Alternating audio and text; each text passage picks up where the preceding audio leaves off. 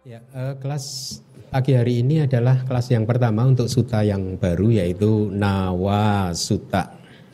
Saya kemarin diberitahu oleh Aling kata palinya mirip dengan bahasa apa kemarin dia bilang itu. Yang artinya Nawa itu perahu ya. Uh, tetapi jangan berharap bahwa pagi hari ini Anda akan belajar tentang perahu ya. Agak sulit kemarin menerjemahkan judulnya ini ke dalam bahasa Indonesia. Saya sempat berpikir kalau diterjemahkan menjadi suta tentang perahu atau khotbah tentang perahu nanti anda nggak datang. Pikirannya mau diajari Bante Keminda cara membuat perahu. Tetapi eh, tidak kita tidak akan belajar tentang eh, perahu. Perahu hanya istilah yang dipakai oleh Buddha di suta ini seperti yang nanti Anda akan uh, lihat ya. Mari untuk mempersingkat waktu saya meminta PIC silahkan dibaca. Nawa Sutta. Seseorang hendaknya di, menghormatinya. Di, diulangin dulu, bukan nawa. Kalau a berarti pendek. Ini bacanya a-nya panjang. Nawa Sutta. Oke. Nawa Sutta. Ya. Seseorang Seseorang hendaknya menghormatinya, darinya dia mengerti dhamma, seperti para dewata menghormati indah. Dihormati, seseorang yang mempunyai banyak ilmu, bahu suta, senang hati dengan dia, mengungkap dhamma. Iya, ini kadang kesulitan menerjemahkan bahasa Pali ke bahasa Indonesia kalau mau word by word, akurasinya itu dipertahankan. Kadang uh, artinya agak aneh, tetapi hendaknya ini Anda pahami bahwa kita hendaknya menghormati seseorang yang dari beliau kita mengerti dhamma. Ya, itu yang dimaksud ya. Diberi contoh oleh Buddha seperti para dewa itu menghormati Indah atau Raja Saka, Raja para dewa eh, dihormati secara demikian maka guru atau orang tersebut yang mempunyai banyak ilmu akan senang hatinya dan dengan demikian beliau akan mengungkapkan dhamma kepada kita sehingga kita akhirnya bisa memahami dhamma itu kira-kira artinya seperti itu. Uh, itulah ah, kesulitan menerjemahkan kalau mau mempertahankan akurasi. Ya Setelah menyimak dan memahami maknanya, orang bijaksana melatihnya sesuai dengan dhamma. Dia yang penuh perhatian bergaul dengan guru, seperti itu menjadi terpelajar, winyu, bijak, wibawi, dan terampil, nipuna. Akan tetapi, apabila berlatih dengan seseorang yang bodoh dan picik, penuh kedengkian dan belum mencapai tujuan, tidak memahami dhamma di sini, belum melenyapkan keraguan, seseorang mengalami kematian. Seperti halnya dengan seorang laki-laki yang telah turun ke sungai, aliran airnya besar dengan arus yang deras. Dia terseret mengikuti arus. Bagaimana dia bisa menolong orang lain untuk menyeberang? Demikianlah, tanpa memahami dhamma, tanpa mencermati maknanya dari mereka yang mempunyai banyak ilmu, tidak mengetahuinya sendiri, belum melenyapkan keraguan, bagaimana bisa dia menolong orang lain untuk mengalaminya? Nijapetum. Namun, seperti halnya seorang yang menaiki perahu yang kokoh, dilengkapi dengan dayung dan kemudi, seorang yang pandai, cakap, dan memahami caranya, memakainya, mampu membawa banyak orang lain menyeberang di sana. Demikian juga seorang yang telah mencapai pengetahuan tertinggi Wedagu, terlatih dengan baik, bawi tata, banyak pengetahuan, bahu suta, dan memiliki sifat yang tidak mudah terganggu, aweda dhamma, dia mampu menolong orang lain yang memiliki telinga yang siap mendengar sebagai kondisi penopang yang sangat kuat untuk mengalami dan memahaminya. Ya, artinya itu yang kalimat pemisahnya itu guru akan mampu menolong muridnya, yaitu murid yang memiliki telinga yang siap mendengar tentunya. Kalau muridnya tidak siap mendengar juga guru tidak akan bisa apa-apa. Telinga yang siap mendengar ini sebagai kondisi penopang yang sangat kuat. Ini sangat abidama si patana itu.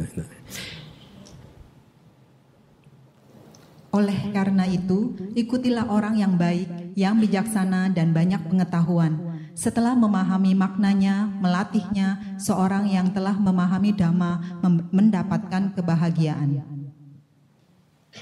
Nawa Suta yang kedelapan selesai. Baik, terima kasih. Terima kasih. Ya, itu tadi sutanya. Ya, eh, sekali lagi kalimat itu 2600 tahun yang lalu kalau kita mempunyai sadar terhadap Tipitaka diucapkan oleh Buddha kepada para muridnya. Dan pada saat tadi PIC tadi membaca ya eh, saya juga membayangkan seolah-olah itu sedang mendengarkan kata-kata Buddha. Sangat bagus sekali paling tidak sadar kita jadi meningkat, komitmen kita untuk belajar dengan tekun dan berlatih dengan tekun juga semakin meningkat. Baik, eh, mari kita lihat penjelasannya. Jadi eh, K upati kalau bahasa palinya di awal penjelasan itu artinya asal mulanya seperti apa atau apa asal mulanya. Artinya suta ini muncul uh, background story-nya, uh, cerita yang melatar belakanginya apa gitu dia. Dijelaskan bahwa suta ini disampaikan oleh Buddha berkenaan dengan yang Arya Sariputa Tera ya. Uh, kemudian dalam hal ini itu adalah ringkasannya artinya ringkasan penjelasan tentang asal mula dari suta tadi ya itu berkaitan dengan yang Arya Sariputa ya. Tetapi penjelasannya kemudian ditambahkan. Untuk penjelasan detail hendaknya dipahami mulai dari kemunculan dua murid yang terbaik. Artinya dua murid Buddha yang terbaik agak sawaka. Jadi kita mengenal ada dua murid terbaik artinya dua murid yang terkemuka kita mengenalkan tangan kanan, tangan kiri Buddha, murid sebelah kanan, murid sebelah kiri Buddha. Siapa dua murid terbaik itu? Yang Arya Sariputa dan yang Arya Maha Mogalana. Beliau adalah dua murid kepala istilahnya ya, kayak kepala kelasnya gitu mungkin ya, ketua kelas ya. Uh, uh, mari kita lanjutkan. Jadi penjelasannya seperti berikut. Kita akan mencoba melihat uh, cerita yang melatar belakangi dua orang laki-laki yang di belakang hari kemudian menjadi yang Arya Sariputa dan yang Arya Maha Mogalana ya. Jadi seperti yang telah diceritakan sebelum kemunculan Buddha dua agak sawaka atau dua murid terbaik, dua murid kepala tadi ya. Lihat yang Arya Sariputa dan yang Arya Mahamogalana sebelum terlahir di kehidupan terakhir bertemu dengan Buddha Gautama, beliau ini setelah telah memenuhi parami untuk 100 ribu eon. Ternyata eon itu ada diadopsi di Kamus Besar Bahasa Indonesia. Saya baru tahu beberapa minggu yang lalu. Karena bahasa Inggris juga menggunakan kata ion gitu ya. Nah, jadi kita adopsi saja. Artinya ini adalah jangka waktu yang lama sekali. Saya terjemahkan sebagai dari kata Pali kapa atau kalpa ya. Jadi dua murid terbaik Buddha sudah memenuhi paraminya bayangkan 100 ribu eon. Kita berapa kita? Ya.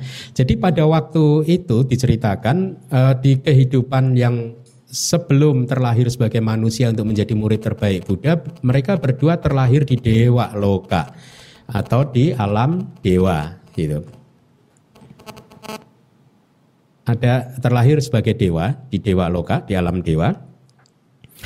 Kemudian tidak jauh dari Raja Gaha, kita sering mendengar ini ya kata Raja Gaha itu ada kerajaan yang sangat terkenal di zaman Buddha Gautama. Terdapat sebuah uh, desa yang menjadi milik para brahmana ya uh, ya ini juga agak sulit diterjemahkan karena boga gamo brahmanan brahmananang boga gamo. Jadi saya terjemahkan menjadi desa yang menjadi milik para brahmana itu mungkin desa yang mungkin penduduknya ini interpretasi saya mayoritas para brahmana kasta brahmana ya. Desa tersebut bernama Upatisa Gama atau desa Upatisa. Nah nanti yang Arya Sariputa terlahir sebagai manusia di desa ini dan kemudian dijuluki atau diberi nama sebagai apa namanya Upatisa sesuai dengan desa tempat beliau terlahir, eh, terlahir ya. Jadi ada kata menjadi milik Brahmana ini mungkin atau di kitab yang lain saya mencoba mencari arti kata dari Boga Gamo dan di sana malah diterjemahkan menjadi sedikit negatif menjadi semacam jajahan dari para brahmana saya rasa, saya rasa tidak seperti itu ya mungkin lebih menjadi uh, lebih tepat daerah yang memang mayoritas kaum brahmana dikuasai oleh para uh, wilayah kekuasaan eh, Brahmana. Artinya kaum Brahmana menjadi superior di desa tersebut. Itu yang menurut interpretasi saya. Jadi eh, di sana di desa tersebut Upati Sagama ada seorang Gamak Samino ini juga agak sulit eh, penguasa desa mungkin kalau zaman sekarang lurah jadi penguasa desa Upati Sagama itu adalah seorang Brahmana yang sangat kaya raya. Beliau dikatakan di kitab komentar memiliki kekayaan 560 koti. 560 koti itu satu koti, K-O-T-I. Satu koti itu angkanya equal sama dengan 10 juta. Jadi Anda kalikan 10 juta kali 560 itu kekayaannya uh, kepala desanya. Kira-kira 5 miliar gitu ya uang sekarang aja udah besar ya, apalagi uang dulu ya. 5 miliar 600 juta uang India di zaman dulu. Uh, kepala desa ini mempunyai seorang istri yang nanti akan menjadi ibu dari Upatisa atau yang Arya Sariputa. Nama istrinya adalah Rupa Sari. Itu. Dan diceritakan bahwa Murid pertama, di istilah di kitab komentar berarti yang akan menjadi yang Arya Sariputa meninggal dari alam dewa, ya dari dewa loka dan kemudian masuk ke dalam kandungan Rupa Sari tadi, perempuan yang bernama Rupa Sari, ya. Selanjutnya tidak jauh dari desa Upati Sakgamo tadi terdapat sebuah desa yang menjadi milik para brahmana juga yang desa tersebut mempunyai nama Kolita Gama atau desa Kolita. Ha, ya. Eh, yang Arya Mahamogalana nanti akan diberi nama sebelum menjadi murid Buddha siapa? Kolita sesuai dengan desa tempat dia terlahir. Jadi desa Kolita ini letaknya tidak jauh dari desa Upatisa. Saling berdekatan, ya tetanggaan desa. Penguasa desanya atau Gamak Samino adalah seorang Brahmana dan istrinya bernama Mogalani. Ya, ini ibunya Maha Mogalana. Ya, bernama Mogalani itu. Uh, dikatakan di dalam kitab komentar bahwa penguasa desa dari Kolita Gamak itu memiliki kekayaan yang seimbang dengan penguasa desa di Upati Sagama ya.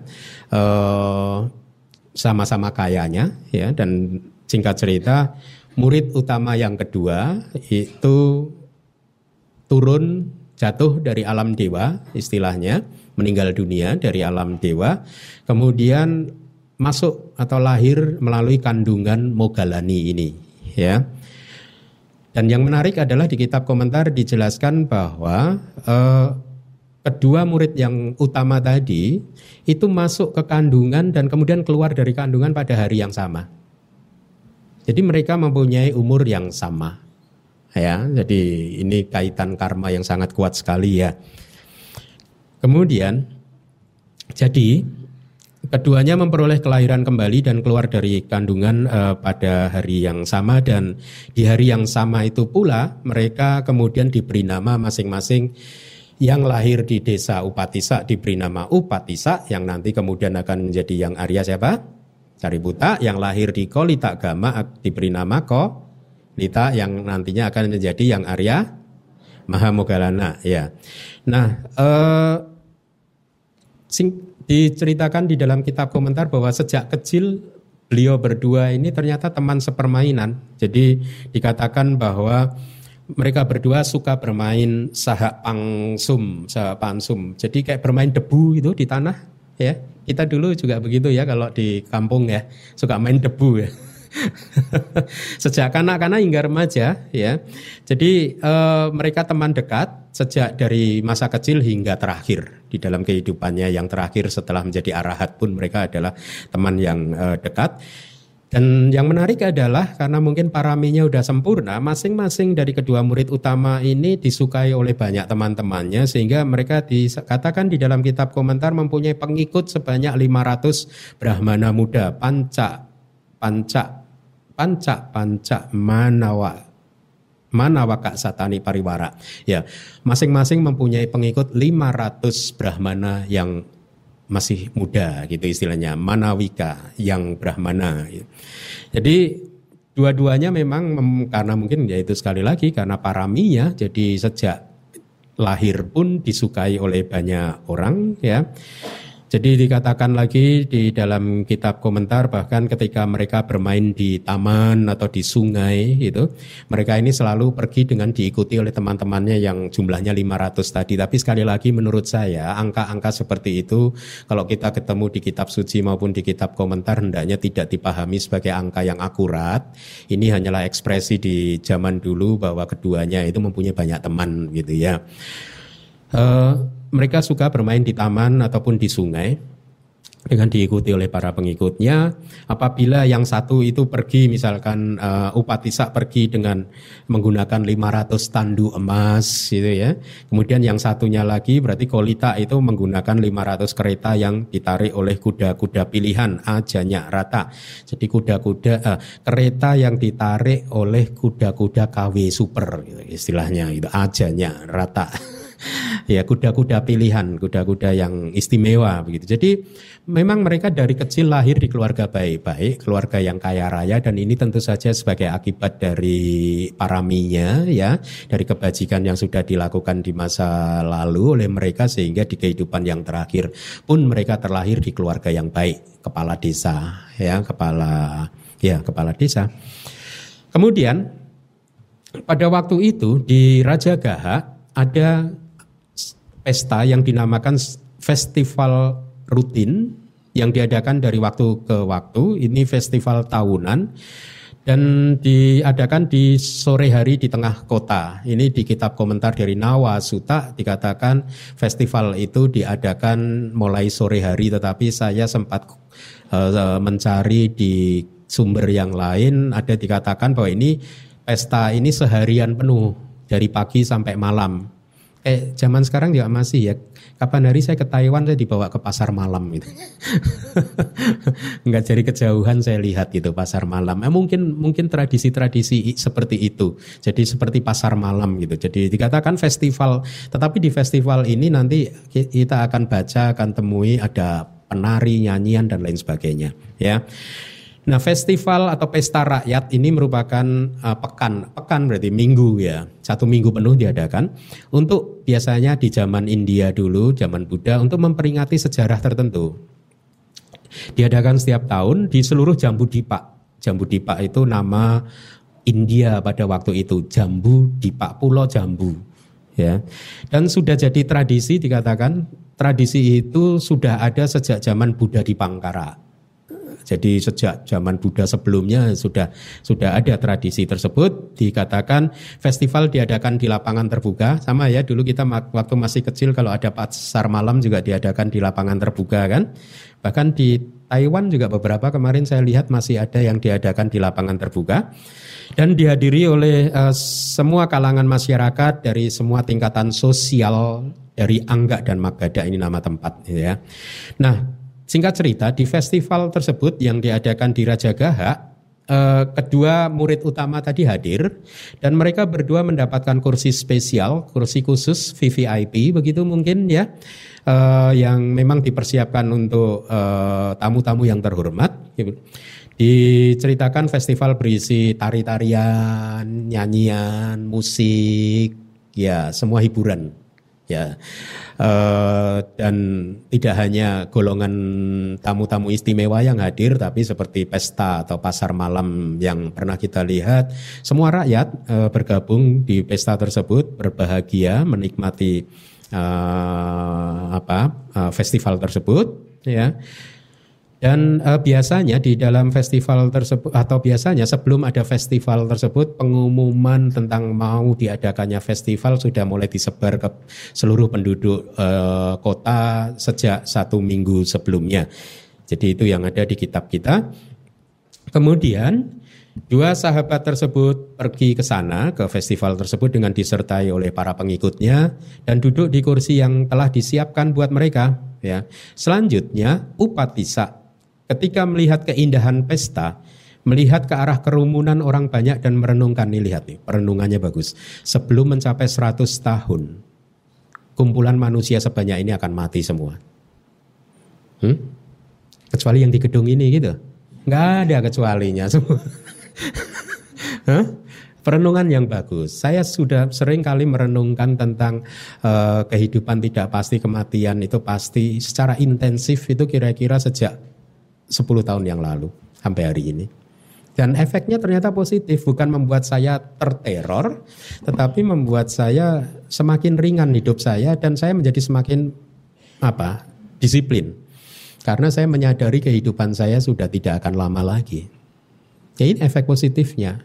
Ya, jadi jangan pernah takut untuk merenungkan bahwa kemasti, kematian adalah satu hal yang pasti akan datang kepada kita.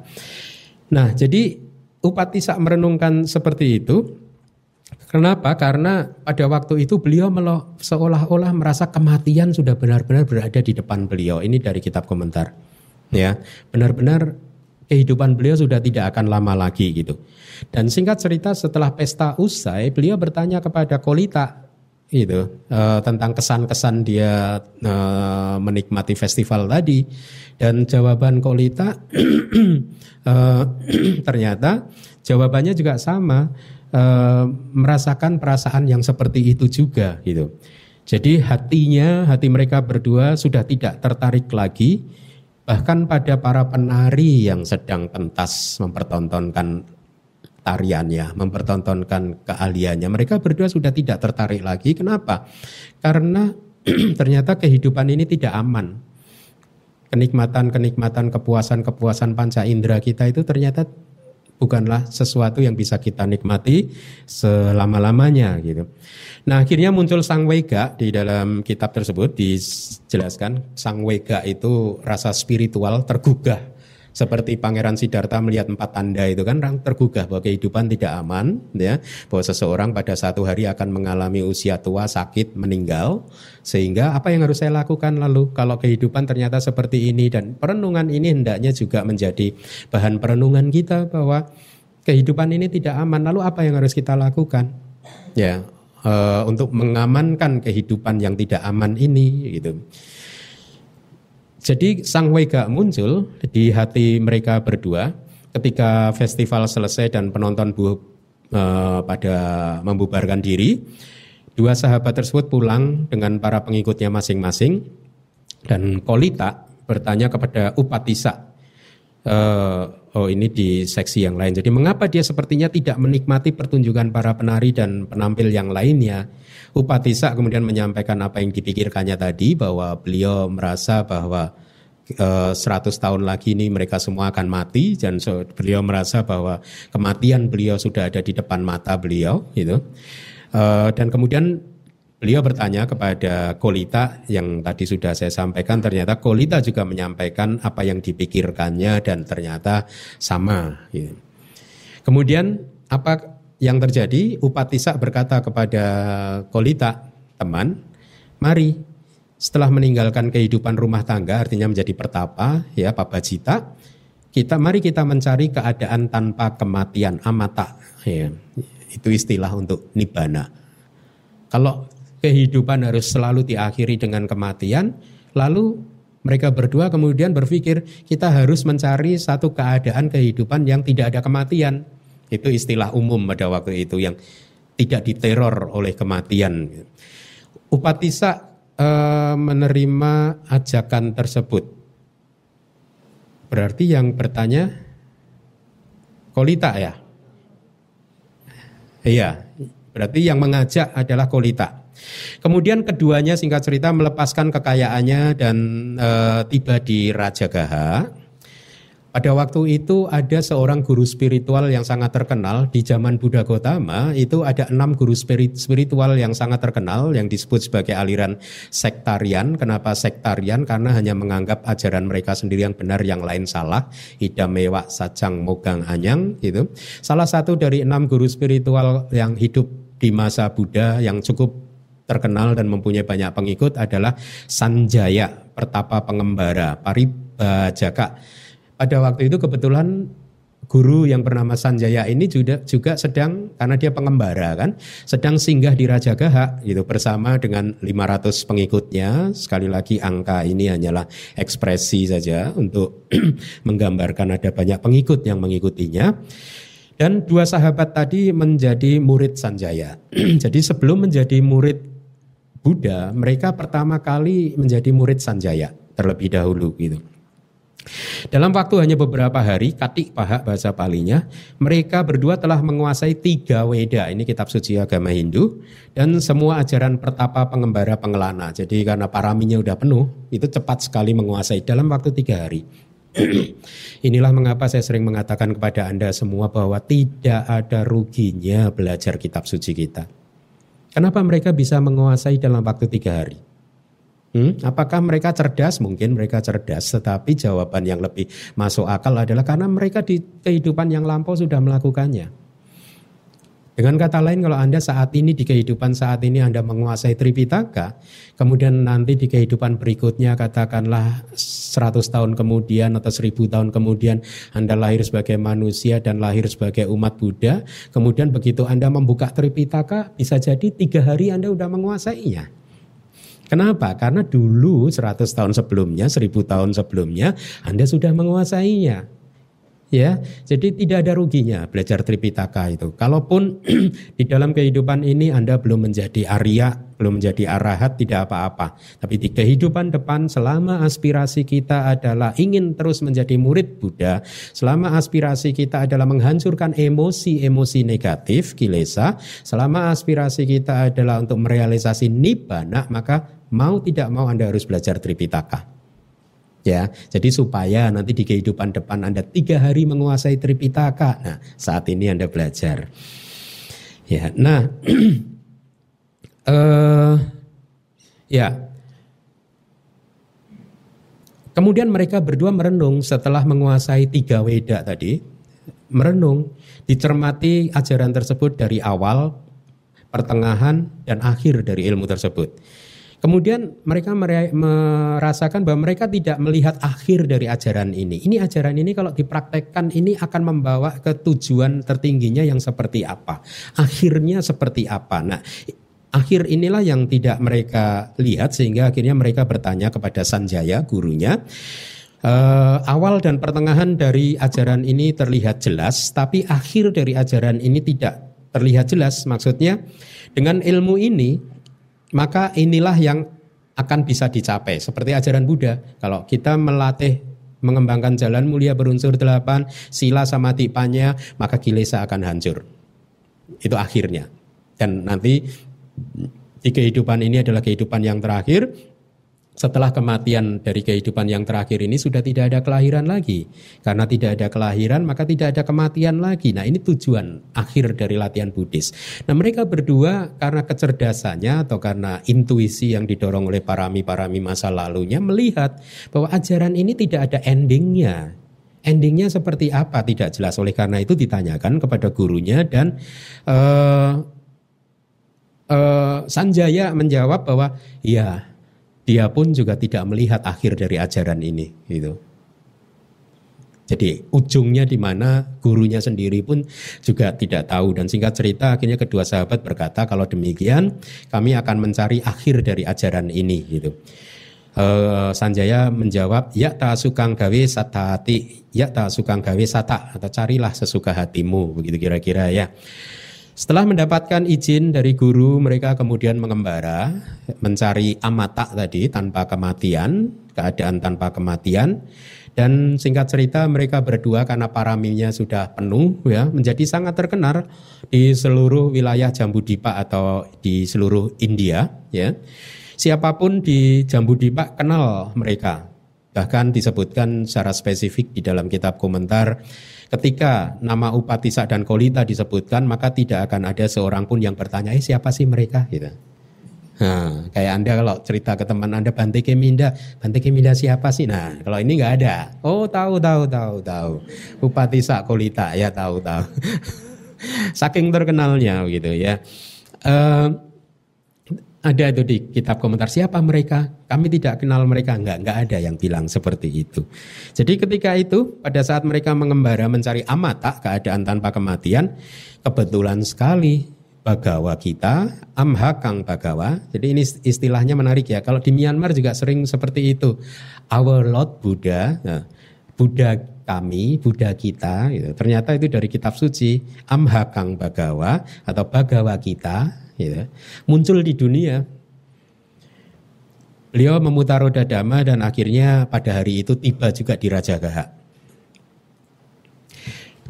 Diceritakan bahwa Bagawa atau Buddha baru saja menyelesaikan retret yang pertama, jadi itu kira-kira hanya beberapa bulan setelah pencapaian penerangan sempurna, ya, atau retret musim hujan yang pertama, atau singkat atau dengan kata lain Buddha baru satu wasa saja, ya, masih junior, tapi juniornya Buddha, beda sama saya.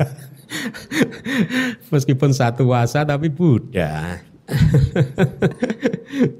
Jadi uh, setelah menyelesaikan wasa pertama beliau ke Raja Gaha. Kenapa beliau ke Raja Gaha disebutkan di dalam kitab komentar bahwa dulu sebelum uh, beliau mencapai penerangan sempurna, uh, ketika beliau meninggalkan kerajaan, ada satu raja yang terpukau dengan sinar wajah Buddha, dengan kelihatan kalau ini bukan manusia biasa seperti itu.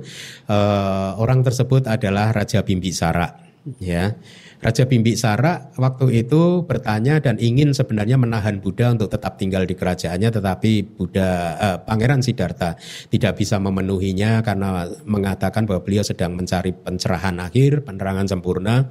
Dan singkat cerita akhirnya Raja Bimbisara meminta kalau nanti sudah mencapai penerangan sempurna kembalilah ke sini gitu. Dan Pangeran Siddhartha waktu itu menyetujuinya, berjanji nanti setelah mencapai penerangan sempurna, eh, beliau akan berkunjung ke Raja Gaha. Dan untuk memenuhi janji tersebut, maka janji itu harus dipenuhi loh. Ya, ini uh, apa teladan yang bisa kita ambil dari Buddha. Beliau berjanji pada Raja Bimbisara untuk kembali setelah mencapai penerangan sempurna dan itu pun dipenuhinya. Gitu. Itulah mengapa pada hari itu Buddha berada di Raja Gaha.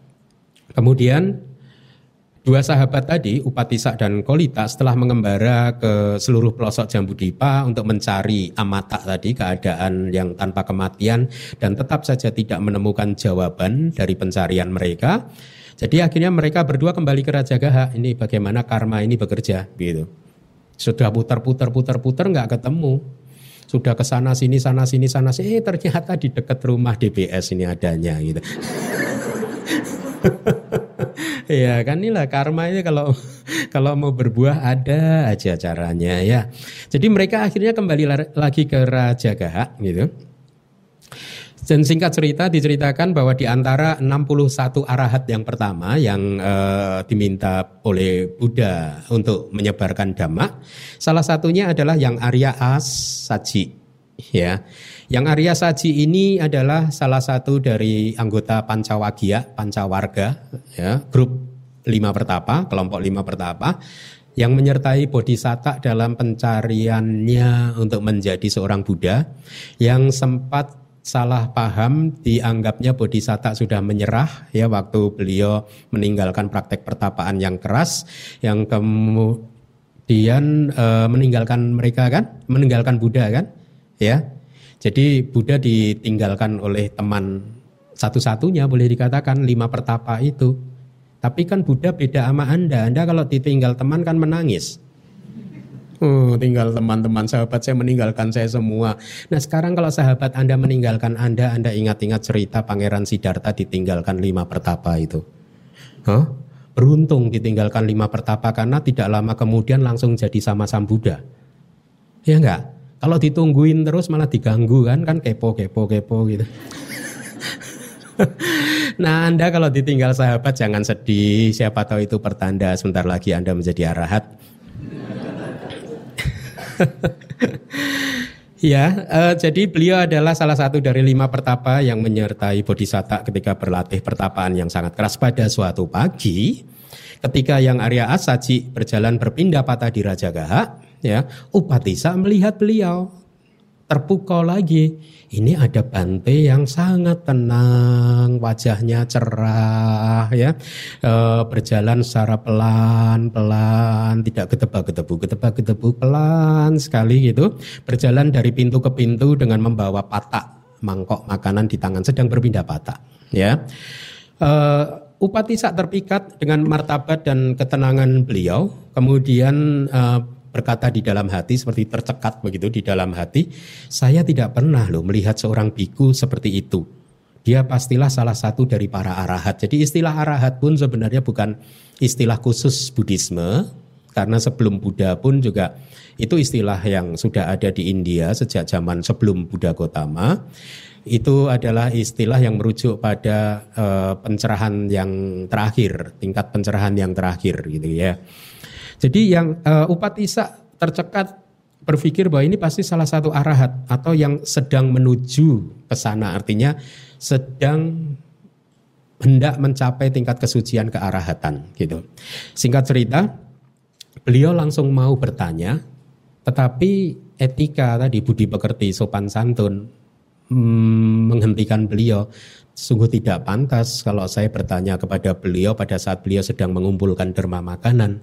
Ya, singkat cerita karena kesantunan dari Upatisa juga ya karena paraminya sudah sudah sempurna ya. Beliau menunggu sampai yang Arya Asaji selesai mengumpulkan derma makanan dan kemudian ketika yang Arya Asaji mau makan makanan dari hasil pindapata mencari pohon yang rindang berteduh di bawahnya pada saat yang Arya Asaji sedang memakan di bawah pohon yang rindang tersebut Upatisa duduk di bawah pohon yang lain tidak jauh dari yang Arya Asaji tidak bicara sama sekali. Tidak seperti Anda ya. Enggak lah, enggak Anda, enggak Anda baik ya. Jadi uh, budi pekertinya sudah tinggi sekali, tidak bicara, tidak mau mengganggu. Karena menurut Upatisa saat itu bukan waktu yang tepat. Dan beliau tahu waktu yang tepat adalah menunggu yang Arya Asaji selesai makan. Jika cerita beliau menunggu yang Arya Asaji. Uh, setelah selesai makan, maka beliau bertanya kepada yang Arya Asaji, mengungkapkan kesannya kepada yang Arya Asaji dan bertanya, Anda belajar di bawah siapa? Dan singkat cerita, uh, yang Arya Asaji menyampaikan saya belum mendapatkan ilmu yang banyak gitu. Dan setelah didesak, akhirnya beliau uh, apa? Uh, yang Arya Asaji mengucapkan empat bait syair yang sangat terkenal itu kan ya. Yidama hetu pabawa tesang hetung tatagato aha. Tesanja yo nirodo ewang wadi mahasamano. Jadi artinya ajaran dari guru saya yang saya terima ya ini empat baris ini kalau boleh disimpulkan. Ye dama hetu babawa dama dama yang muncul itu muncul karena ada sebab itu tesang hetu tata gato aha. Tata gata telah mengatakan sebabnya tersebut. Jadi segala sesuatu yang muncul karena ada sebabnya dan sebabnya telah dikatakan dinyatakan oleh tata gata itu kemudian dan juga kelenyapannya tesanca yoni rodo ewang wadi mahasa mano demikianlah ajaran pertapa besar mahasa mana jadi tentang hubungan sebab dan akibat saja. Dan sesungguhnya kalau anda benar-benar merenungkan dengan kedalaman yang cukup bahwa ternyata segala sesuatu yang muncul itu karena ada sebab itu pun akan banyak membantu Anda untuk menyelesaikan problem-problem kehidupan Anda. Itu pula yang saya rasakan pada saat saya menyadari bahwa segala sesuatu hanyalah sebab dan akibat, terkondisi oleh sebab maka ini muncul, kalau sebabnya lenyap maka ini lenyap. Saya seperti nafas lega, hidup menjadi ringan sekali. Cobalah Anda renungkan berulang-ulang bahwa apa pun yang muncul itu karena ada sebabnya. Dan apa pun yang muncul pasti akan lenyap.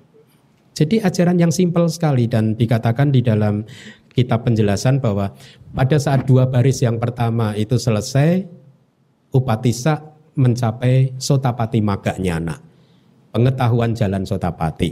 Begitu mulai bait kedua dan dikatakan setelah bait keempat selesai uh, beliau sudah mendengarkannya uh, sebenarnya mendengarkannya sebagai seorang sotapana karena setelah bait kedua selesai mulai bait ketiga beliau mencapai sotapati pala nyana atau pengetahuan buah sotapati. Jadi menjadi seorang sotapana penuh gitu. Anda sudah mendengar empat baris tadi. Siapa yang sudah mencapai sotapana di sini? Dari empat baris tadi? Hah? nah, eh, Upatisa memohon untuk tidak menjelaskan detailnya setelah empat baris tadi sudah cukup cukup gitu. Tetapi dia bertanya di mana Buddha sekarang. Jadi uh, beliau sudah rasa spiritualnya udah udah berkembang cukup sempurna.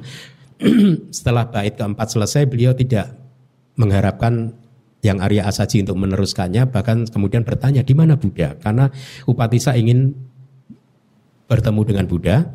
Setelah diberitahu Buddha tinggal di Raja Gaha, akhirnya apa yang terjadi? Upatisa mencari Kolita dan menceritakan apa yang dialami, kemudian mengajaknya menemui Buddha. Tapi sebelum pada saat Kolita mengajak langsung untuk ketemu Buddha ini yang menarik. Ini tema suta kita akan mulai masuk. Yang menarik adalah bagaimana seorang murid sangat menghormati gurunya. Ya, bahwa sebagai murid Tradisi Buddhis mengajarkan bahwa kita harus menghormati guru kita, guru spiritual kita. Pada saat Kolita mengajak Upatisa untuk langsung bertemu Buddha, Upatisa tidak mau. Kenapa? Karena beliau bermaksud sebelum bertemu Buddha, beliau ingin ketemu dengan Sanjaya dulu. Lebih baik kita bertemu guru kita dulu Sanjaya. Kita sampaikan kepada guru kita bahwa ini Buddha sudah muncul di muka bumi. Syukur-syukur kalau Sanjaya guru kita ini bersedia untuk ikut bersama dengan kita belajar di bawah bimbingan Buddha itu akan lebih bagus. Tetapi kalaupun tidak, paling tidak kita sudah memberitahu siapa tahu nanti satu hari dia tergugah dan kemudian mau bertemu dengan Buddha. Lihat, Ya, jadi di kitab komentar disebutkan Upatisa adalah seorang yang selalu menghormati gurunya. Ini topik atau pesan dari Sutta Nawa, Nawa Sutta ini. Dia mengajak Kolita untuk menemui Sanjaya terlebih dahulu dan menceritakan pengalaman ini dengan harapan beliau mau ikut bersama bertemu Buddha. Tetapi Sanjaya menolak untuk pergi bersama. Malahan kemudian Sanjaya menawarkan posisi sebagai wakil pimpinan di komunitas spiritual kepada Upatisa jadi wakil saya saja gitu. Tentu saja ini ditolak oleh Upatisa dan singkat cerita e, mereka berpamitan dan pergi e, mencari atau untuk bertemu dengan Buddha. Dan di kitab juga disebutkan ini bercerita tentang bagaimana uh, Upatisa atau yang Arya Sariputa itu adalah seseorang yang selalu menghormati gurunya. Setiap kali dia tinggal di wihara yang sama dengan yang Arya Asajitera, setelah pergi melayani Bagawa, setelah itu dia akan pergi melayani sesepuh, artinya melayani Tera, Asaji Tera, dengan pikiran yang penuh hormat, yang mulia ini adalah guru pertama saya. Dengan melalui dukungannya, saya jadi paham ajaran Bagawa, ajaran Buddha. Nih, ini satu teladan yang harus kita contoh, ya, e, bahwa kita harus menghormati guru-guru spiritual kita. Gitu. Padahal di kitab yang lain disebutkan Upatisa ini setelah ditahbiskan menjadi murid Buddha dan menjadi yang Arya Sariputa, hanya dalam waktu dua minggu beliau menjadi seorang arahat penuh dengan kemampuan penuh terbaik. Ya, tetapi walaupun demikian beliau masih menghormati yang Arya Asaji. Ya. Akan tetapi setiap kali dia tidak tinggal bersama di satu wihara dengan Asaji Tera, Ketika itu di arah mana Tera tinggal, yang Arya Asaji tinggal, maka di arah itu Upatisa atau yang Arya Sariputa sudah menjadi Sariputa memandang. Kalau yang Arya Asaji katakanlah tinggal di sebelah barat, maka pagi-pagi hari yang Arya Sariputa akan pergi memandang ke arah barat, dipandang ke arah barat, kemudian bersujud dengan bertumpu pada lima titik, yaitu dahi, telapak tangan, dan telapak kaki ya. E, beranjali dan kemudian memberi hormat. Setiap hari dilakukan seperti itu karena ingin menghormati gurunya. Kenapa? Karena dari yang Arya Asajilah beliau menemukan dhamma ajaran Buddha. Ya. Nah, tetapi ini jadi menimbulkan isu. Ketika murid-murid Buddha yang lain melihat hal tersebut, para biku mulai membicarakan perilaku yang Arya Sariputa. Itu lihatlah, walaupun Sariputa ini telah menjadi murid kepala atau murid yang terbaik, tapi dia masih saja memberi hormat pada arah penjuru mata angin karena praktek orang India zaman dulu sering menghormat ke arah timur kan atau ke arah ke arah mana pun gitu karena masing-masing arah mata angin tuh mewakili simbol-simbol tertentu begitu ya. Jadi para biku salah paham, salah mengartikan apa yang dilakukan yang Arya Sariputa dianggap masih percaya pada tradisi tradisi Brahmana yang masih menghormati mata angin, arah mata angin gitu. Jadi sampai hari ini pun dia belum meninggalkan pandangan atau ajaran Brahmana, Brahmana titik, pandangan atau ajaran para Brahmana gitu. Nah, singkat cerita dengan elemen telinga dewanya di bakso tak datu atau telinga dewa dari Buddha ya. Bagawa mendengar percakapan para biku tersebut dan kemudian bertanya, "Wahai para biku, kalian sedang bercakap-cakap tentang apa di sini?" Mereka kemudian menjelaskan kepada Buddha dan Buddha berkata, "Wahai para biku, Sariputa tidak memberi hormat kepada arah mata angin." Diklarifikasi sama Buddha. Dia bersujud menghormat dan memuliakan gurunya yang telah mendukungnya sehingga dia bisa memahami ajaran. Sariputa adalah seorang yang sangat menghormati gurunya. Acarya Pujako Bikawe Sariputo. Ini tradisi yang bagus ya di kita selalu di Myanmar bahkan ada ada uh, satu tahun beberapa kali melakukan acarya puja menghormati guru-guru kita. Secara khusus dua jam gitu sambil dana makan siang di, dilakukan seremoni begitu untuk menghormati guru-guru kita di DBS mungkin satu hari kita boleh mengadakan itu. Jadi setelah berkata demikian Buddha lalu memberikan dhamma di sana untuk mereka yang telah berkumpul di sana ya. Kemudian sutanya dimulai syair yang pertama tadi yang dibaca seseorang hendaknya menghormatinya darinya dia mengenal dhamma atau mengerti dhamma seperti para dewata menghormati indah dihormati dengan cara demikian, seseorang atau guru yang mempunyai banyak ilmu, bau suta, senang hati dengan dia, dan dia akan kemudian mengungkap dhamma. Nah, penjelasannya adalah apa yang dimaksud dengan darinya dia mengerti dhamma. Ya, yaitu orang-orang darinya, artinya dari mereka, kita mengenal dhamma. Seseorang mengenal dhamma. Dhamma apa yang kita kenal? Memahami dan mengalami lihat, pariyati dhamma yang terdiri dari tiga pitaka. Tiga pitaka bukan dua pitaka. Jadi pariyati dhamma tiga pitaka. Winaya pitaka, suta pitaka, dan abhidhamma pitaka. Atau pati weda dhamma, yaitu sembilan dhamma adi duniawi. Apa itu sembilan dhamma adi duniawi? Yaitu empat jalan, empat maga, empat buah, dan nibbana. Itu. Yang dicapai setelah mendengarkan pariyati. Lihatlah, Kitab komentar tegas sekali mengatakan pentingnya pariyati. Ya, karena setelah mendengarkan pariyati maka kita berlatih di bawah bimbingan guru berdasarkan pariyati dan akhirnya seseorang bisa mencapai uh, empat menembus empat kebenaran mulia atau pati weda gitu. Itu saya beri warna kuning bahasa palinya kalau Anda ingin cek nanti uh, apakah terjemahannya akurat atau tidak itu. Pariyati damangwa pariyating sutwa adik kan tabang nawa loku terapa bedang pati weda damangwa. Jadi itu artinya cukup akurat. Pariyati itu penting sekali ya. Kemudian ada pertanyaan mengapa sih murid harus menghormati guru? Penjelasannya adalah uh, tadi di syairnya tadi yang disampaikan oleh Buddha, apabila kita menghormati guru, maka guru yang merasa dihormati seperti itu darinya uh, kepada muridnya, maka guru yang mempunyai banyak ilmu senang hati dengan dia dan kemudian mengungkap dhamma. Kelihatannya alasannya sangat sepele, tapi tunggu nanti ada penjelasan yang lebih dalam. Ya, jadi supaya gurunya senang hati dan kemudian mengungkap dhamma gitu. Uh, seperti halnya para dewa di dua dewa loka itu memuliakan Saka, ya, pemimpin para dewa. Dua dewa loka itu di bawah Tawatingsa, satu Maharajika dan uh, eh dan Tawatingsa, ya.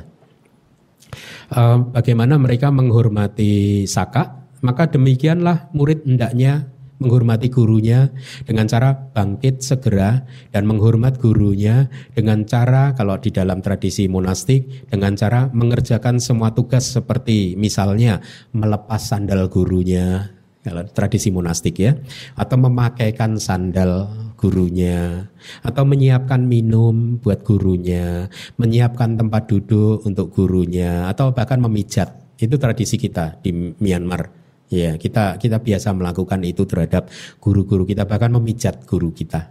Ya. Uh, kemudian apa yang dimaksud dihormati ya guru tersebut dihormati dengan cara yang tadi memijat dan lain sebagainya ya.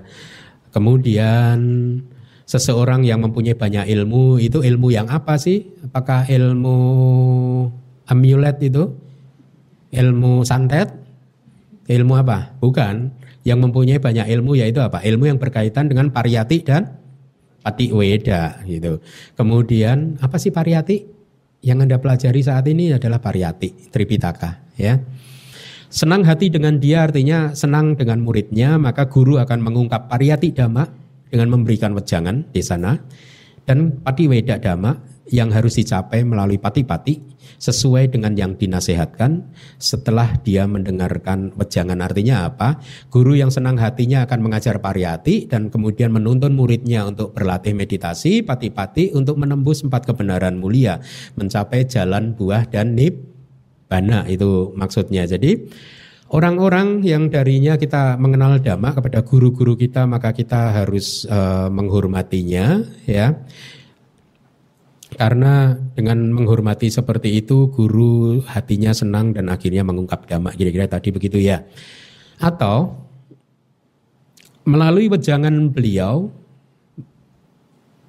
atau melalui wejangan beliau mengungkapkan pariyati dhamma dan dengan menggunakan perumpamaan beliau mengungkapkan patik weda dhamma. Jadi ini alasannya ya bahwa kita harus menghormati guru dan lihat Makna yang lebih dalam lagi adalah apa yang dilakukan oleh Yang Arya Sariputa. Apa yang dilakukan oleh Upatisa. Sebelum bertem, uh, sebelum menemui Buddha, Upatisa secara spontan ingat kepada Sanjaya. Ya, karena saking hormatnya kepada Sanjaya. Dan setelah menjadi seorang arahat, bahkan jadi murid terkemuka Buddha pun, beliau masih menghormati Yang Arya Asaji meskipun tingkatannya mungkin beliau lebih tinggi secara spiritual pencapaiannya. Tetapi masih saja tetap menghormati. Kenapa? Karena dari guru-guru inilah beliau akhirnya menemukan jalan kehidupannya kan. Tadi ada syair yang berikutnya setelah menyimak dan memahami maknanya, makna dari apa yang diajarkan oleh guru, maka orang bijaksana kemudian melatihnya ya murid yang bijaksana akan melatihnya sesuai dengan dhamma, sesuai dengan pariyati. Dia yang penuh perhatian bergaul dengan guru yang seperti itu akhirnya menjadi terpelajar, winyu, bijak, wibawi dan terampil atau nipuna. Jadi setelah menyimak dan memahami maknanya orang bijaksana artinya apa? Setelah mendengarkan dan memahami dhamma yang diungkapkan oleh guru yang sedang senang hatinya tadi ya Kemudian orang bijaksana adalah yang disebut sebagai orang bijaksana adalah orang yang mempunyai kemampuan untuk menampung apa yang telah diajarkan. Jadi makanya tradisi yang bagus sebagai murid pada saat bertemu dengan guru apa? Kosongkan gelas Anda. Biar Anda mampu menampung semua kata-kata guru kan dengan dengan maksimal kan. Kalau Anda datang ke depan guru gelas Anda sudah penuh kan Anda nggak mampu menampung semuanya. Anda gagal menjadi orang bijaksana. Maka lihat di kitab komentar pun definisi salah satu definisi orang bijaksana ini adalah murid yang siap untuk menampung atau mempunyai kemampuan untuk menampung apa yang dikatakan oleh guru. Kemudian setelah menampungnya eh, murid tersebut akan melatihnya sesuai dengan dhamma yaitu apa? Sesuai dengan dhamma, mengembangkan wipasana yang sesuai dengan dhamma, sesuai dengan kecocokan dhamma duniawi. Maksudnya begini, berlatih wipasana untuk mencapai jalan buah dan nibbana, itu maksudnya. Jadi eh, apabila kita melatih eh, dhamma ini dengan benar kalau yang kita latih itu adalah ajaran Buddha, maka ajaran Buddha itu pasti akan menuju ke sana pencapaian maka jalan buah dan nibbana, hancurnya semua kilesa. Kalau kita semakin berlatih ajaran kok membuat kilesa kita makin menguat, berarti kita berlatih secara keliru. Harusnya semakin kita berlatih, kilesa kita akan menjadi semakin uh, melemah. Kemudian dengan melatih seperti itu akhirnya murid menjadi terpelajar, bijak dan terampil. Dia menjadi terpelajar itu penjelasannya. Kenapa? Karena melalui pencapaian kebijaksanaan yang disebut kebijaksanaan atau kedewasaan. Dia menjadi orang yang dewasa, orang yang bijaksana, winyuta. Bijak karena disebut bijak karena memiliki kemampuan untuk memberitahu dan menerangkannya kepada orang lain. Ya, untuk sharing kepada orang lain. Setelah Anda belajar, kemudian Anda sharing kepada orang lain. Ya, Anda cukup mempunyai banyak pengetahuan. Setelah setelah Anda berlatih dan menembus empat kebenaran mulia Anda juga berbagi kepada orang lain. Itu maknanya. Terampil karena dia telah menembus kelembutan yang tertinggi. Jadi ini penjelasan-penjelasan untuk tiga istilah di atas yaitu orang yang terpelajar bijak dan terampil. Dia yang penuh perhatian, murid yang penuh perhatian itu adalah seseorang yang penuh perhatian yang mempunyai kualitas-kualitas seperti e, mempunyai banyak ilmu, berpengetahuan luas dan kualitas-kualitas yang telah disampaikan sebelumnya adalah orang yang telah sampai di seberang. Ya, artinya apa? Men- sudah sampai ke keadaan yang bahagia. Ya. Atau dengan makna yang tertingginya telah merealisasi nibbana gitu. Jadi setelah menyimak dan memahami gurunya, apa yang dijelaskan oleh gurunya tadi di syair, orang bijaksana kemudian melatihnya sesuai dengan dhamma. Dia yang penuh perhatian, murid yang penuh perhatian seperti itu tadi yang siap mendengarkan penjelasan gurunya, bergaul dengan guru yang seperti itu, akhirnya menjadi orang yang terpelajar, banyak pengetahuan, bijak dan terampil. Itu kata-kata di syair. Setelah mendengarkan dan memahami dhamma yang diungkapkan oleh guru itu artinya yang sedemikian senang hatinya maka orang bijaksana yaitu orang yang mempunyai kemampuan untuk menampung tadi apa yang telah diajarkan oleh gurunya, mengembangkan wipasana yang sesuai dengan dhamma ya sesuai dengan kecocokan dhamma adi duniawi artinya wipasana yang bisa menuntun kita untuk merealisasi jalan buah dan nibana, maka dia akhirnya murid tersebut akhirnya menjadi seorang yang terpelajar melalui pencapaian kebijaksanaan yang disebut sebagai winyuta atau kedewasaan atau kebijaksanaan disebut sebagai orang bijak karena memiliki kemampuan untuk memberitahu, mengajarkan, menerangkannya kepada orang lain. Terampil karena dia sendiri telah menembus kelembutan yang tertinggi dari dhamma yaitu apa? Maga, palak dan nib bana. Ya, dengan demikian eh, kita cukupkan dulu pembahasan di kelas yang pertama.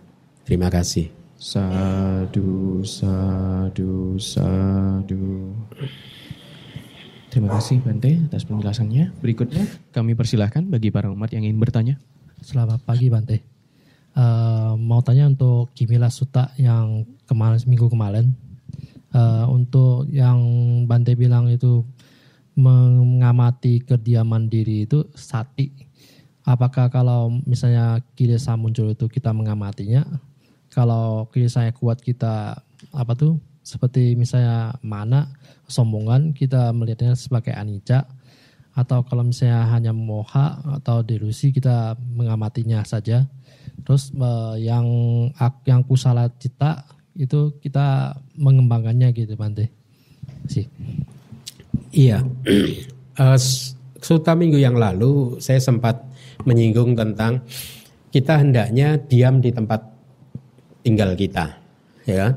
Harus jangan tinggal di luar rumah itu ada kira-kira begitu ya dan diberi perumpamaan kalau ini saya ambilkan dari suta yang lain saya ingat waktu saya masih belajar di Myanmar dulu ekspresi tentang sati itu diberi contoh seperti burung woodpecker ya yang tinggalnya di rumahnya di di, di batang pohon dilobangi begitu dia lubangnya kecil cukup untuk tubuhnya masuk dan dia tinggal di sana. Nah burung ini kalau dia keluar dari sarang bertemu dengan raja wali berantem ya kalah dia. Tapi kalau dia begitu keluar itu berantem dengan Raja Wali, dia masuk lagi ke kandangnya, ke rumahnya. Burung Raja Walinya sedang marah, benci, bernafsu, ingin membunuh burung kecil tadi. Dikejar begitu burungnya masuk ke kandang yang kecil, burung Raja Walinya nabrak pohon meninggal akhirnya gitu akhir uh, dan burung kecilnya selamat. Perumpamaan tersebut sangat bagus karena uh, burung kecil ini adalah perumpamaan untuk perhatian penuh atau mindfulness atau sati bahasa palinya ya. Artinya kalau kita senantiasa menerapkan perhatian penuh terhadap semua pengalaman yang masuk di dalam enam pintu indera kita, maka kita selamat dari serbuan Raja Wali yang merupakan perumpamaan dari kilesa atau kotoran batin gitu. Nah, sesungguhnya kalau kita terbiasa melatih sati, ya, maka kita akan tahu kapan kilesa itu muncul biasanya. Karena karena kebiasaan-kebiasaan kita dan karena satinya sudah berkembang. Terutama kalau pas meditasi itu terlihat jelas. Pada saat kita masuk ke deep samadhi sati sudah berkembang begitu kita tahu bahkan di momen yang boleh dikatakan bersamaan dengan kemunculan kilesa itu yang menarik sekali kilesa apa pun muncul momen itu juga kita tahu karena sati kita udah berkembang, samati kita udah berkembang. Samati itu kan pasti kan kemarin juga saya sampaikan kan apa? Salah satu terjemahan dari samati, cita saawi kepo. Citanya enggak kepo. Bukan ini bahasa Bali. Cita saawi kepo, undisturbed mind. Jadi batin atau hatinya tidak mudah terganggu. Jadi sangat tenang, sangat stabil. Seperti air yang tidak bergoyang sama sekali. Sehingga apa pun pergerakan batin dia langsung tahu gitu. Nah ini menarik sekali makanya kita harus retret paling tidak satu tahun sekali karena kebijaksanaan-kebijaksanaan ini akan bermanfaat buat Anda. Begitu Anda melihat oh ternyata cara menghandle kilesa itu seperti itu ya, Anda akan semakin hafal gitu. Nah, tapi dalam kehidupan sehari-hari apalagi kalau kita meditasinya udah menjadi semakin jarang, sering kali kita tidak mampu mengamati pada saat kilesa muncul sehingga kita sadar hanya pada saat kilesa udah menguat. Nah ini akan, akan menjadi problem karena begitu kita telat sadar, kilesa sudah menguat, biasanya kilesa yang sudah menguat itu akan membawa korban. Korban pertama adalah diri kita sendiri, korban kedua adalah orang yang di dekat kita. Ya, akan selalu membawa korban. Kenapa korban ini terjadi? Karena keterlambatan kita untuk mengenali kemunculan burung Raja Wali tadi. Kita keluar rumah. Ya, seperti burung kecil yang keluar dari sarangnya tadi. Ya, jadi eh, Lalu bagaimana kalau kita tidak terbiasa berlatih sehingga kita sering kecolongan, kilesa sudah menguat baru kita sadar gitu. Ya, itulah mengapa eh, disiplin di dalam latihan menjadi sangat penting sekali. Teori pariyati yang kita pelajari hanya kemampuannya hanya memberi petunjuk saja. Tetapi untuk merubah karakter kita secara permanen pariyati tidak mampu. Kita harus berlatih. Untuk merubah karakter kita selama sesaat, pariyati mampu. Tapi kalau kita mengharapkan permanen, pati-pati yang mampu. Pati weda yang mampu. Meditasi yang mampu merubah kita secara permanen. Ya, Jadi harus disiplin. Nah, disiplinnya bagaimana? Kan saya belum punya waktu untuk retret Bante. Begini, sebenarnya kalau kita retret, kenapa retret itu penting? Kenapa saya sangat mendorong Anda untuk retret? Bahkan kita kan lagi dikunjungi Buddhist Fellowship dari Singapura, seperti ini nanti sebentar lagi ke sini. Saya mendorong mereka untuk retret juga dan tadi sudah saya sampaikan ke beberapa murid. Besok Juni mereka meminta saya untuk membimbing retret selama 10 hari di di Indonesia dari umat-umat Singapura. Karena saya melihat mereka juga sudah cukup berumur. Saya waktu ceramah itu saya katakan brothers, sisters, we are decaying so much. Kita ini udah lapuk, udah selapuk-lapuknya. Please meditate saya bilang gitu. nah saya waktu mengatakan seperti itu tidak begitu sadar. Saya pikir dia biar meditate di Singapura. Ya ternyata besoknya Bante kalau kami ke sini minta dibimbing 10 hari. Tapi nggak apa-apa. Out of compassion. Kembali lagi. Perlunya retret 10 hari itu apa sih? 10 hari itu batas maksimal kalau menurut eh minimal menurut saya. Karena paling tidak selama 10 hari nanti Anda akan dibimbing oleh guru untuk bisa melihat pergerakan batin. Anda akan dibimbing oleh guru untuk melihat sendiri bahwa ternyata setiap kali batin kita ini bergerak keluar melalui panca indera kita menemui objeknya kita menderita.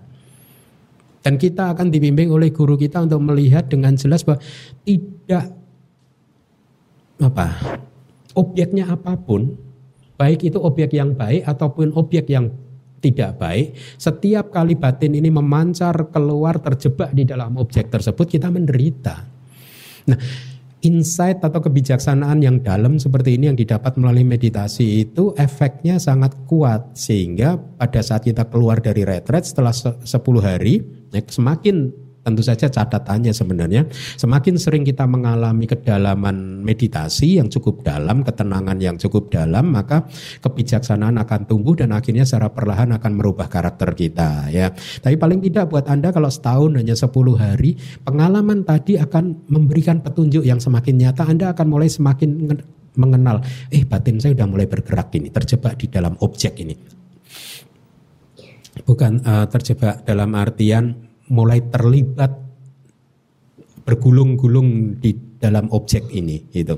Jadi kayak terpenjara di dalam objek kalau saya memberi contoh seperti serangga yang masuk ke dalam perangkap eh, apa laba-laba itu dia berontak berontak berontak semakin berontak semakin menderita.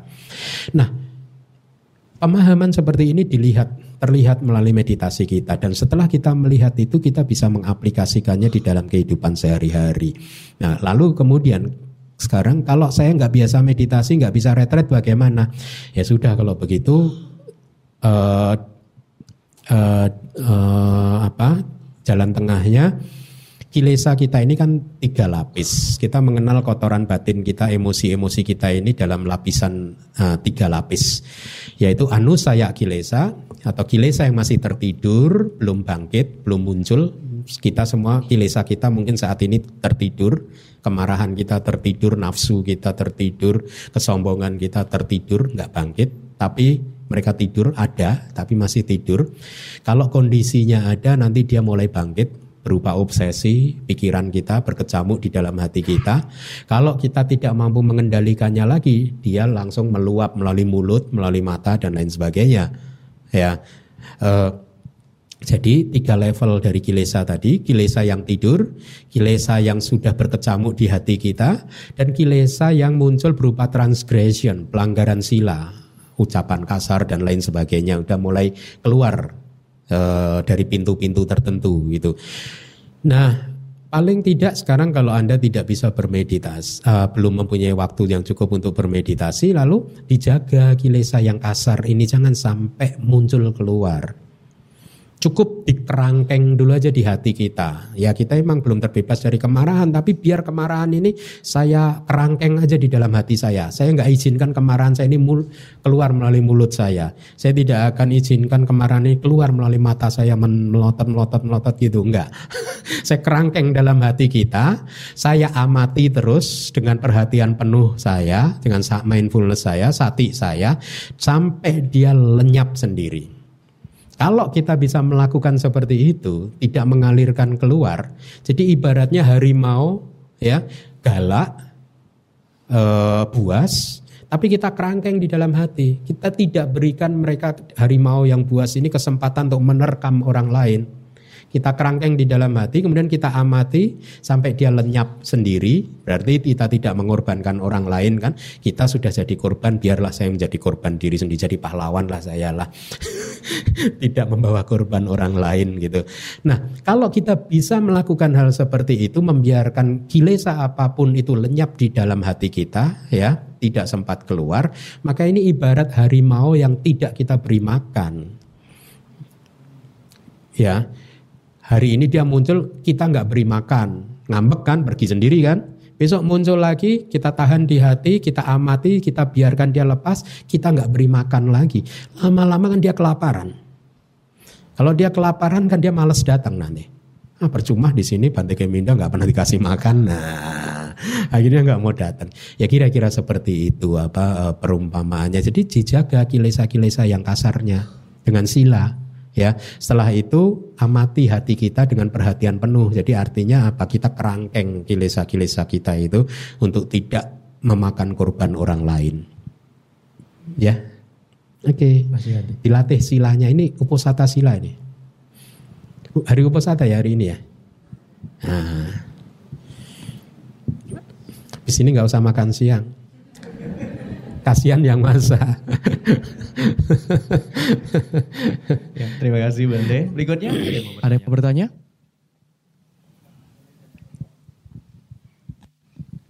nama budaya Bante. Bante saya mau tanya, saya kan eh, maksudnya kalau kita nggak retret, itu kalau setiap hari kalian meditasi berapa lama gitu? Eh, Waktunya. ya, Makasih Bante. kita tidak memakai standar berapa lama mungkin ya, tapi satu kita pahami dulu tekniknya, medi- teknik meditasinya, pahami dulu. Seperti tadi, awalnya dipahami, tengahnya dipahami, akhirnya dipahami. Tadi ada kan? Kalau kita tidak paham teknik meditasinya, artinya kita tidak tahu ini meditasi ini harus ke mana dan sasarannya apa. Ya, jadi menguasai teknik meditasi itu penting sekali. Ya, setelah menguasai teknik meditasi, coba coba berlatih secara disiplin. Bikin waktu kalau bisa jam yang tetap tetap, misalkan jam 4 pagi, jam 5 pagi meditasi. Disiplin aja. Pada masa-masa awal biasanya nggak akan bisa tahan lama, ya mungkin 10 menit 15 menit nggak apa-apa tapi disiplin saja tapi kan anda sudah tahu dulu tekniknya anda sudah mengumpulkan semua informasi tentang meditasi itu yang anda latih sehingga 15 menit itu pun cukup bermanfaat karena kemudian Anda akan mengevaluasinya. Saya 15 menit ini sampai di mana? Kesalahan saya di mana? Kesulitan saya apa? Saya harus bagaimana di latihan berikutnya? Jadi ini kan uji coba uji coba terus. Hari ini saya mempunyai kesulitan misalkan tubuh saya tegang semua, akhirnya 15 menit saya menyerah karena saya berusaha menghilangkan ketegangan dengan cara begini gagal, dengan cara begitu gagal. Sehingga ini kan catatan ini akan bermanfaat untuk latihan Anda yang berikutnya supaya apa? Latihan yang berikutnya Anda tidak mengulangi kesalahan yang sama. Anda coba lagi sampai kemudian Anda paham. Hanya pada saat Anda sudah mengenal tubuh Anda, Anda akan bisa duduk lama. Ya kalau Anda belum mengenal ciri dari tubuh Anda, bagaimana tubuh ini sering memberikan kesulitan di dalam meditasi, belum batin ya tubuh, maka se- selama belum mampu menyelesaikan problem ini, maka duduk lama itu menjadi sangat mus- mustahil. Ya nggak apa-apa 15 menit dulu tapi biasanya kalau Anda berlatih rutin dalam jangka waktu beberapa minggu nanti kemampuan Anda akan meningkat karena Anda akan mulai lebih akrab dengan tubuh Anda yang memberi banyak masalah itu tadi gitu. Jadi saran saya lebih pada kuasai dulu tekniknya kemudian latih secara disiplin. Kalau waktu tidak ada harus seberapa harus seberapa gitu tidak ada. Tapi kalau retret biasanya saya akan menganjurkan untuk duduk selama mungkin. Tapi kalau sehari-hari begini kan susah ya kadang ya. ya kita misalkan jam 4 meditasi gitu jam setengah tujuh harus berhenti. Hmm, Dua setengah jam saja misalkan atau jam 6 harus berhenti karena ada aktivitas lain gitu. Tapi kalau dalam retret kan kita nggak punya batasan itu gitu. Jadi kuasai dulu tekniknya, latih secara disiplin. Ya, Makasih Bante. ya. Jadi mau tanya eh, tadi kan eh, dianjur untuk menghormati eh, semua guru spiritual kita. Namun ada beberapa eh, guru spiritual kita mengajarkan eh, pelajaran yang salah. Nah, eh, ap- apa tindakan kita atau bagaimana kita me- eh, merespon seperti itu? Terima kasih Bante. Eh, menghormati tetap menghormati seperti Upatisa dan Kolita tadi mengetahui bahwa Guru Sanjaya itu belum mencapai apa-apa ya. Kan tetap saja dihormati. Eh, mereka tetap menghormati bukan terus dicaci maki. Sanjaya kamu belum? Nah, enggak. Tetap dihormati Kemudian apa yang harus kita lakukan kalau kita bertemu dengan guru seperti itu ya tadi teladan dari Upatisa tadi pada saat mau menghadap Bagawa beliau ingat kepada gurunya diberitahu dulu siapa tahu guru tersebut mau menjadi murid Buddha juga. Nah, itu cara yang terbaik sih sebenarnya sih. Eh, tidak perlu kemudian berdebat membuktikan bahwa mereka salah dan kita benar Seringkali hal-hal seperti itu tidak fruitful, tidak tidak bermanfaat. Membuktikan bahwa yang itu salah, yang punya saya yang benar itu tidak bermanfaat. Ya jadi eh, ambil teladan dari Upatisa tadi saja gitu. Atau kalau ini guru Buddhis ya mungkin disodorkan Tripitaka atau ceramah-ceramah yang bagus, yang menurut Anda bagus, sodorkan kepada dia untuk mendengarkan dulu. Kadang kalau kita langsung mengingatkan dia bisa terjadi kesalahpahaman seperti yang saya alami tadi dengan keluarga saya karena mereka menilai saya junior, mereka lebih senior kan. Nah, faktor ini kan juga kadang kita harus pertimbangkan ego manusia. Kalau selama dia masih punya ego, maka biasanya dinasehati orang yang lebih junior, lebih muda, atau bahkan dulu pernah jadi murid dia itu jadi akan malah memperburuk uh, hubungan juga. Gitu ya. Saya rasa teladan dari Upatisa tadi bagus sekali. Beliau mau bertemu Buddha, sebelum bertemu Buddha, beliau ajak Sanjaya. Ya itu itu bagus.